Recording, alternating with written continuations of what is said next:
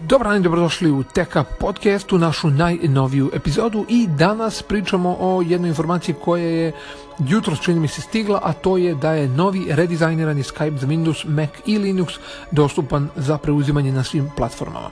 Znači Skype je predstavio novu verziju svoje desktop aplikacije za Windows, Mac i Linux, a naravno to je sve u skladu sa nedavnim redizajnom i nove mobilne aplikacije koja je izašla pre, čini mi se, pre nedelju dana.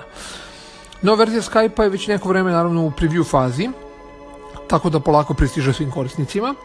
A ono što je, mm, da kažem, menja, to je što Skype dobija prilagođavanje teme, chat listu koja se može organizovati po vremenu ili statusu kontakta, pinovanje ljudi ili grupa, što znači da će uvijek biti vidljivi, što je veoma interesantno, dok je fokus e, na konverzacije moguć preko standardnog ili kompaktnog pregleda chat listi, što je takođe dobra stvar.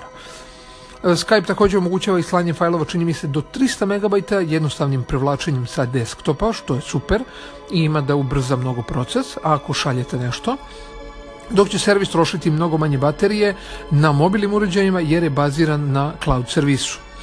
Reakcije e, omogućavaju da lako drugima pokažete kako se osjećate, na primjer to s tim emojima sad je popularno. I možete koristiti ono at mentions, e, tako da možete privu, da privučete pažnju drugih ljudi, znači at pa onda ime znači, e, osobe sa kojom želite, koju, čiju pažnju želite da privučete. E, Skype za Windows 10 će biti ažuriran također novim funkcijama i trebalo bi da pređete e, što pre znači čim se pokaže ažuriranje, proverite znači da li je dostupno već za vas. E, Windows 10 November update na Windows 8, Windows 7 i Linux mogu da preuzmu već.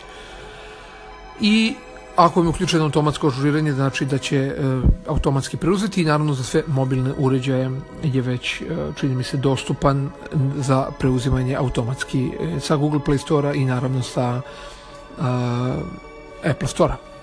To bi bilo to u ovoj kratkoj m, epizodi, znači novi Skype je tu, probajte ga i vidjet ćemo kako će se pokazati. Do neke sledeće epizode naravno ostanite uz TK Podcast. Veliki pozdrav!